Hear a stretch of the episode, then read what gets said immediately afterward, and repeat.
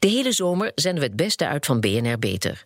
Dit keer een gesprek met een journalist die toen ze de diagnose epilepsie kreeg, ontdekte dat geluk niet zo maakbaar is als vaak gedacht.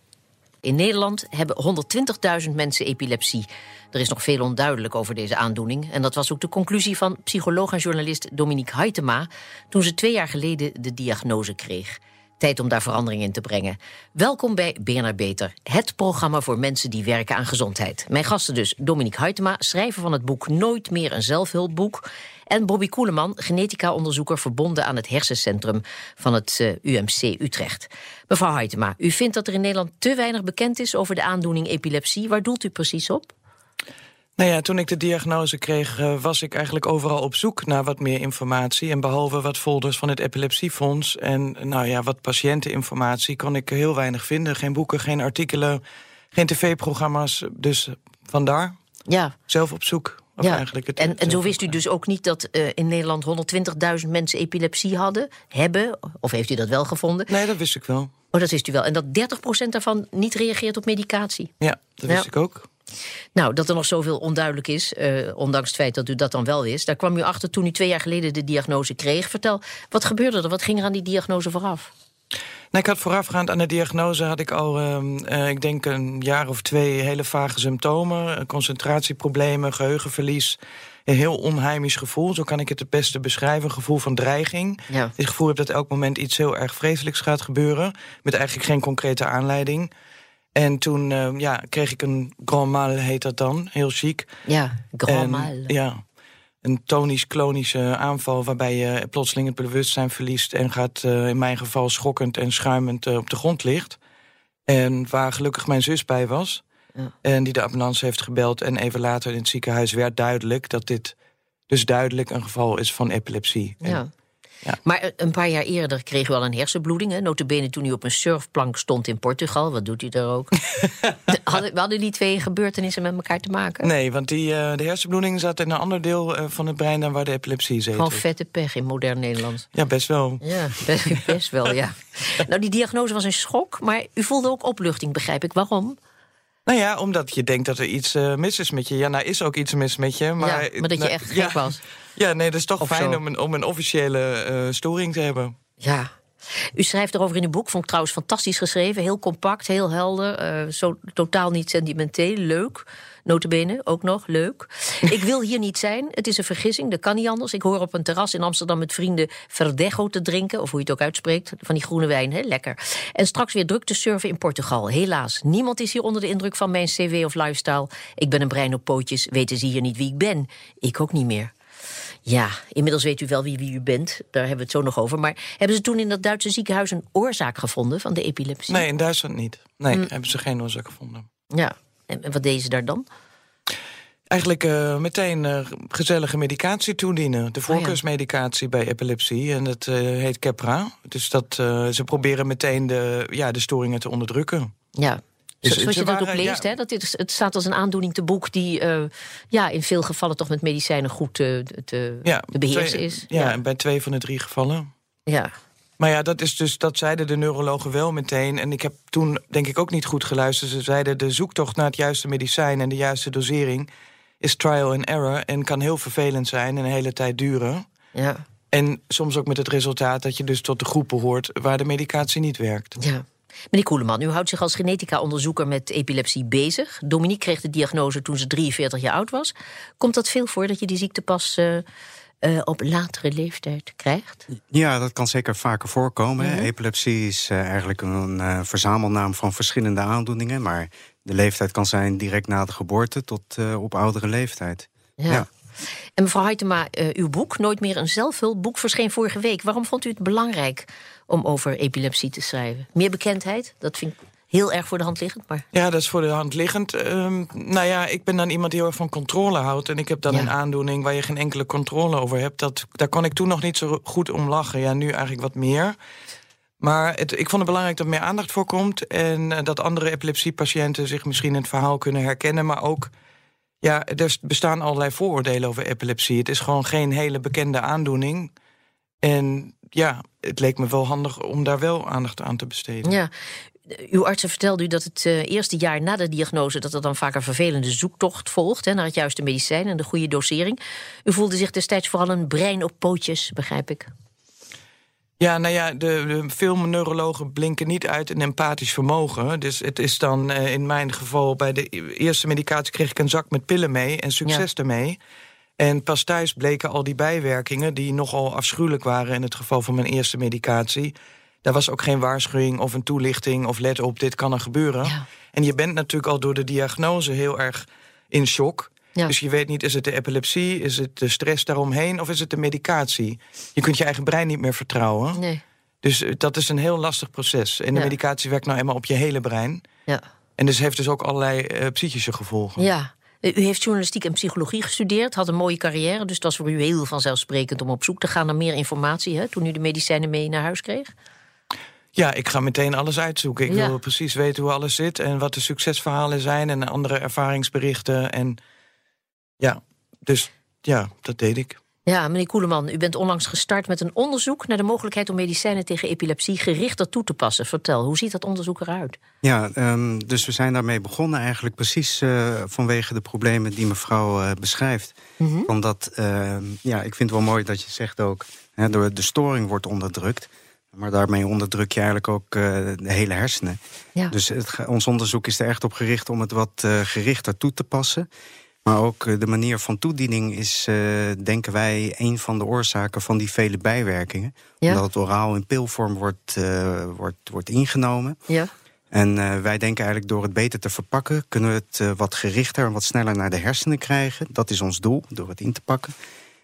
en dan daar uitpakken. En daar wordt het dan uitgepakt. Ja. Nou ja, het is natuurlijk, hè, als je het toedient... Maar onder, onderweg verlies je veel van het medicijn, moet ik het zo zien? Ja, dus als, als je het wil inpakken, daar gebruiken we dan die vetbolletjes voor. dan is het wat stabieler. Mm En dan, komt er wat, uh, dan zijn er minder piekdoseringen. En we denken dat we de dosis ook kunnen verlagen. De, de hersenen worden beschermd door een soort laagje, een extra laagje. Dat heet de bloed-hersenbarrière. Waardoor het dus moeilijker is om dingen zoals medicijnen... maar ook andere schadelijke stoffen... die worden eigenlijk uit de hersenen gehouden. En daarom uh, denken wij dat de dosis van veel medicijnen die op de hersenen moeten werken, uh, hoger zijn dan ze eigenlijk nodig zou moeten zijn als we door die hersenbarrière ja. heen kunnen. En daar, daar is onze time-released medicijnen zijn bekend, maar een ja. soort van, maar dan het moet naar een moeilijk Precies. gebied. Ja, dus wij willen die, die, die, die, die verpakkingen nog een extra labeltje meegeven, waardoor ze actiever de hersenen ingetransporteerd ja. worden. Dus... Mevrouw maar u zei al, hè, want uh, ze hebben, de, die medicijnen hebben dus niet alleen invloed op, uh, op de stoornis zelf, maar op je hele hersenen. Hè? Mm -hmm. je, je, zou ervoor tekenen als de medicijnen minder bijwerkingen zouden Absoluut. hebben. Absoluut. Nou, ik ben de eerste die in de rij staat. Ik neem ze meteen in. Ja. Want ik vond het eigenlijk vind ik het nog steeds onvoorstelbaar dat het eerste medicijn wat ik kreeg, dat dat nog wordt, toegeschreven, nog wordt voorgeschreven. Mm. Ja. Want daar heb ik echt heel veel rampverhalen over gehoord. En nou ja, mensen werden er zwaar depressief van. Ja. En dat lijkt me niet de bedoeling, dat je naast epilepsie ook nog allerlei andere problemen op je bord krijgt. Ja, want wat waren die bijwerkingen in uw geval? Depressie, hè? Ja, depressie en ook een gezellige dwangstoornis. Dus ik moest ineens uh, moest alles in een rechte lijn op tafel liggen. En ik moest, uh, weet ik veel, alles moest in de juiste aantallen. En, en ik ben psycholoog inderdaad. Dus ik constateerde, oh, nu heb ik je ook een dwangstoornis erbij. Maar ook daar twijfel je weer. Is het de medicatie? Of ben je nu echt gek geworden? Of dus, en later bleek, zei de neuroloog, van nou, dit zijn bekende bijwerkingen, we kunnen wisselen. Had hij mogen zeggen, ja. Nou, toen was ik wel echt heel erg kwaad. Toen had ja. ik wel even aan zijn bretels op willen hangen. Maar misschien ook een Ach, had het maar. Oh, nee. Um, ja. Uh... Dus daar mag wel ook, ook weer meer voorlichting voor zijn. Of meer. Uh... Ja, ja, dat, dat is veel mensen nou, meer empathie, hè, daar begint ja. het mee, dan doe je dat ook. Ja, het is ja. een beetje een onderbelicht uh, mm -hmm. fenomeen. 90% van de patiënten die, die heeft bijwerkingen, of die ondervindt bijwerkingen, ja. en vooral van de eerste medicatie. Um, en, en dat is, dat is zeg maar iets wat, er, wat erbij komt. Terwijl natuurlijk de behandeling in eerste instantie gericht is om die aanvallen weg te halen. Ja. ja tegen dus, welke uh, prijs? En tegen welke prijs. Dus dat is uh, nog iets ja. waar, uh, waar meer onderzoek uh, aan gedaan zou moeten worden. Ja, ja maar, maar het zoeken van de juiste medicijnen tegen epilepsie... is, is dat vooral een kwestie van trial and error? ja, op dit moment is dat vooral trial and error. Hè, maar als geneticus kan ik natuurlijk ook wel vertellen... vooral bij de wat ernstige epilepsieën... die door één foutje in het DNA veroorzaakt zijn... He, dan is één gen is eigenlijk kapot door een mutatie. Ja. Ehm, als je dat hebt gevonden, dan kan je eigenlijk een genetische diagnose bij die patiënt uh, vaststellen. En kan je, kan je je behandeling aanpassen op de ervaring van al die andere patiënten die daarvoor al zijn geweest. En dan kan je eigenlijk een betere categorisering. Een genetische diagnose vertelt je dan um, welk medicijn waarschijnlijk het beste werkt. Hè, zonder dat, je, dat je hoeft te raden. Kijk, bij die epilepsie is het ook een soort proces. Hè. De patiënt begint met een eerste aanval. En pas na een aantal jaar is het duidelijk wat voor epilepsie-syndroom die persoon heeft. Ja. En als we nou vroeg die DNA-diagnose kunnen stellen, kan je dus eerder op de juiste manier het juiste medicijn uh, bij die patiënt Laten gebruiken. Laten we zo over verder. 40 miljoen mensen wereldwijd hebben epilepsie, maar lang niet altijd wordt er een oorzaak gevonden. Gelukkig, u hoort het al, wordt er onderzoek gedaan naar de genetische oorzaken van deze aandoening. Epilepsie kan op elke leeftijd voorkomen en ontstaan, maar begint meestal op jonge leeftijd. En in sommige gevallen gaat het om een extreme vorm van epilepsie. Voor die ernstige gevallen is er mogelijk een medicijn, maar aan dat medicijn kleven nu nog te veel risico's. Hopelijk in de toekomst niet meer. Ik praat hierover met mijn gasten Bobby Koeleman, genetica-onderzoeker verbonden aan het hersencentrum van het UMC Utrecht. En Dominique Huytema, psycholoog en journalist en schrijver van het boek Nooit meer een zelfhulpboek. Meneer Koeleman, voor de kinderen die deze ernstige vorm van epilepsie hebben, het zogenaamde, uh, het zogenoemde Dravet-syndroom, is er mogelijk wel een medicijn, maar dat is nu nog te gevaarlijk, begrijp ik? Ja, dat klopt. Dat medicijn dat was al eerder op de markt uh, als een obesitas-medicijn, dus een onderdrukker van de eetlust. En eigenlijk is het ja, door slim nadenken van een aantal Belgische doktoren... is dat uh, getest op die Dravet-patiënten. En die bleken daar heel erg goed op te reageren. Er was alleen één addertje onder het gras. Die drugs was al door de Amerikaanse regelgeving van de markt gehaald... omdat er een vermoeden was dat er een hartklepverdikking zou optreden. Ah, dus een hartaandoening. Ja. En daarnaast is het natuurlijk iets wat de eetlus onderdrukt... Dus het wordt nu ook succesvol toegepast in een zogenaamde clinical trial, mm -hmm. ook in Nederland. Um, alleen het blijft nog een beetje de vraag van hoe veilig is het en vooral hoe veilig is het op lange termijn. En er komen weer die bijwerkingen. Het is natuurlijk een eetlusonderdrukker. Ja. Dus ze moeten goed de energiehuishouding van die patiënten in de Zeker, gaten houden. Voor kinderen in de groei. Ja. Maar ja, goed, het is weer uh, het punt. Uh, deze ernstige vorm van epilepsie, dat medicijn wat dan hoopvol is, zal het in de toekomst wel gebruikt kunnen worden? Of ziet het er somber uit? Um, ik denk dat heel veel medische of uh, de, de neurologen die, die zullen dat graag gaan, gaan toepassen, denk ik, omdat de nadelen wellicht niet, niet opwegen. Ja, opwegen tegen ja, ja, de voordelen. Hè. Dat, dat is een beetje de afweging die altijd gemaakt wordt. En hm daar hebben we het denk ik vanavond ook wel een beetje over. Van, er zijn eigenlijk altijd wel nadelen te verwachten bij anti-epileptica. Uh, maar uh, aanvallen, die is het ook heel belangrijk om dat te voorkomen. Ja, het onderzoek naar, de, naar uh, die manier van inpakken van het medicijn, hè, in vetbolletjes, daar hadden we het al over, in, in die liposomen, dat doet u met zebravissen. Ja. Ah, waarom zebravissen? Ja, zebravissen is eigenlijk een. Uh, dat is misschien ook een klein beetje zielig. Hè. We doen het ook speciaal voor die travetpatiënten. Is het ja. uh, is ons eerste onderzoek. Dus voor die ernstige kinderepilepsie. Dat is een redelijk dramatische aandoening. Waardoor we toch toestemming hebben gekregen om die zebravissen te gebruiken. Ja. En. Uh, ja, het is een, zo'n zo'n laboratoriumdier die we relatief makkelijk en goed kunnen onderhouden. Maar de, de zebravis heeft dingen die bruikbaar zijn voor dit onderzoek kennelijk? Ja, dus een zebravis is een... Um, de fruitvliegjes zijn uit? Uh, de fruitvliegjes zijn uh, iets moeilijker uh, ja, te manipuleren. Dus het gaat echt gewoon van, ja. om de schaal. En ook wel in hoeverre lijkt de zebravis qua hersenen. Je zou het niet zeggen, maar toch lijken ze goed genoeg op oh, die van de mens. altijd al. Oh, om, om het te gebruiken om meer ons proof of principle uit te testen... voordat we het op mensen gaan proberen.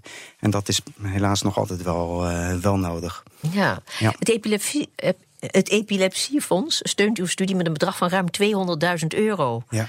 Waar wordt dat geld vooral aan besteed? Ja, wordt eigenlijk vooral besteed om de komende drie jaar uh, de, de postdoc, Saxi Singh, die het uh, voorstel heeft geschreven, uh, van een salaris te voorzien, de mogelijkheid geven om hier drie jaar van haar leven aan te wijden. dus daar gaan we het voor gebruiken. Maar het is natuurlijk, zij gaat, zij gaat allereerst kijken van kunnen we die, uh, die medicijnen in die vetbolletjes inpakken. Oh dat is vraag één, want dat is uiteraard niet, niet zo eenvoudig als, uh, als het lijkt. Nee. En ten tweede is het inderdaad effectief in dat zebravismodel.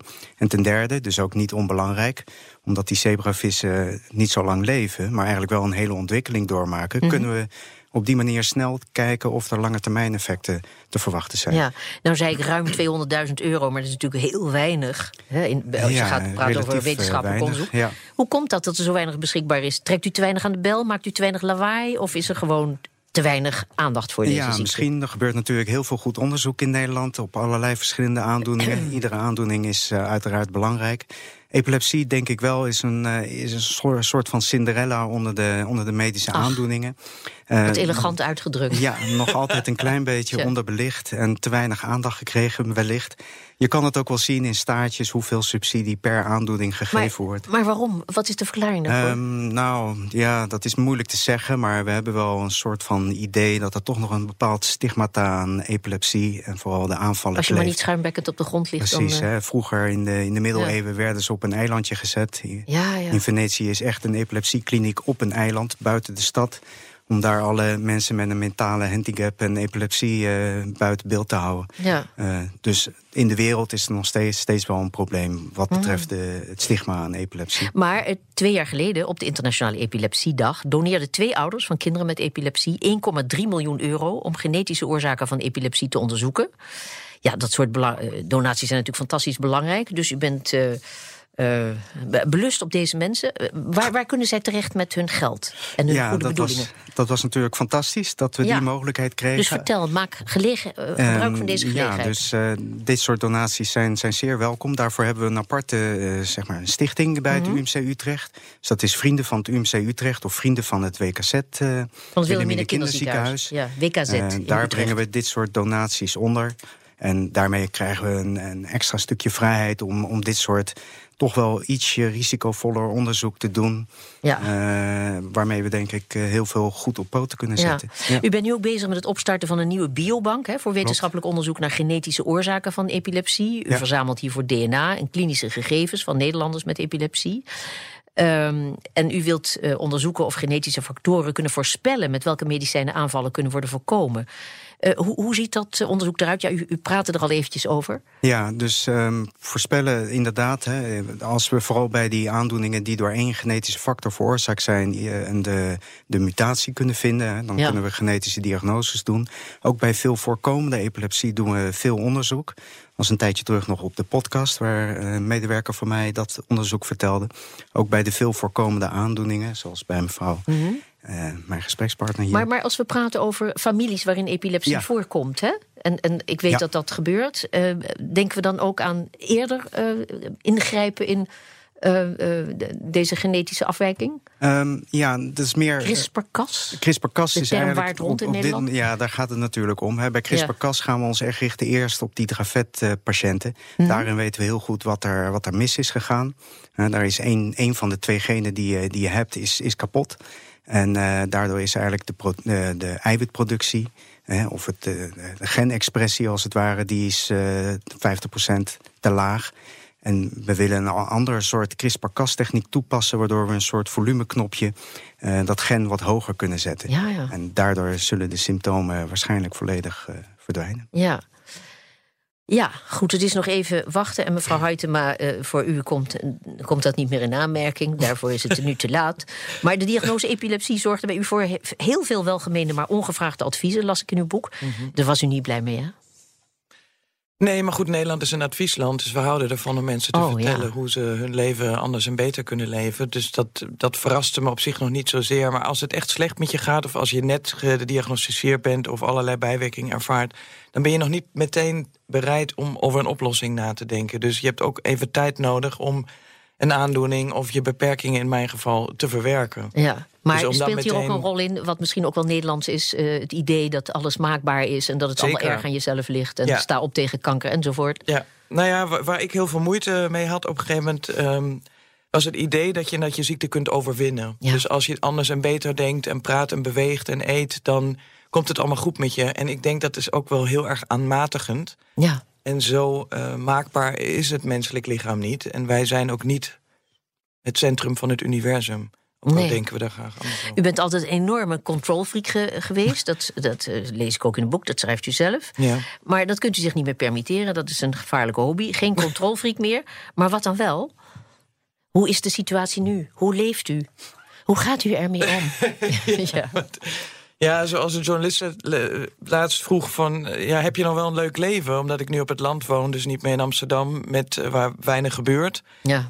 En toen dacht ik, nou ja, ik weet niet of drukte per se een leuk leven betekent. Maar ja, hoe leef ik nu? Ik heb me iets meer verzoend met de beperkingen. En ik probeer er, ja, dat klinkt ook heel cliché natuurlijk het beste van te maken. De ene dag beter dan de andere. En ik uh, probeer me te richten op wat ik nog wel kan. Ja. In plaats van wat ik allemaal, want dat is in het begin heel anders geweest. Dan keek ik alleen maar wat ik allemaal niet meer mocht. Ja. Was daar heel gefrustreerd en boos over. En vond eigenlijk dat dat maar snel afgelopen moest zijn. En geef hem maar die pillen en door. Ja. Maar de belangrijke vraag is, vraag is natuurlijk: bent u gelukkig?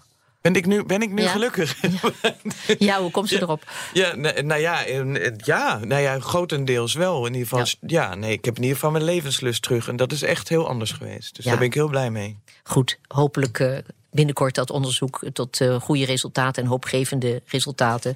Meneer Koeleman. Hartelijk dank, Dominique Huytema en Bobby Koeleman. En tot zover deze uitzending van BNR Beter. Op bnr.nl/slash beter is deze uitzending terug te luisteren of on demand via de BNR-app, Spotify of iTunes. En we zijn ook op Twitter te vinden onder BNR Beter. Dus heeft u tips voor ons? Laat het ons vooral weten. Ik ben Harmke Pijpers. Graag tot een volgend spreekuur.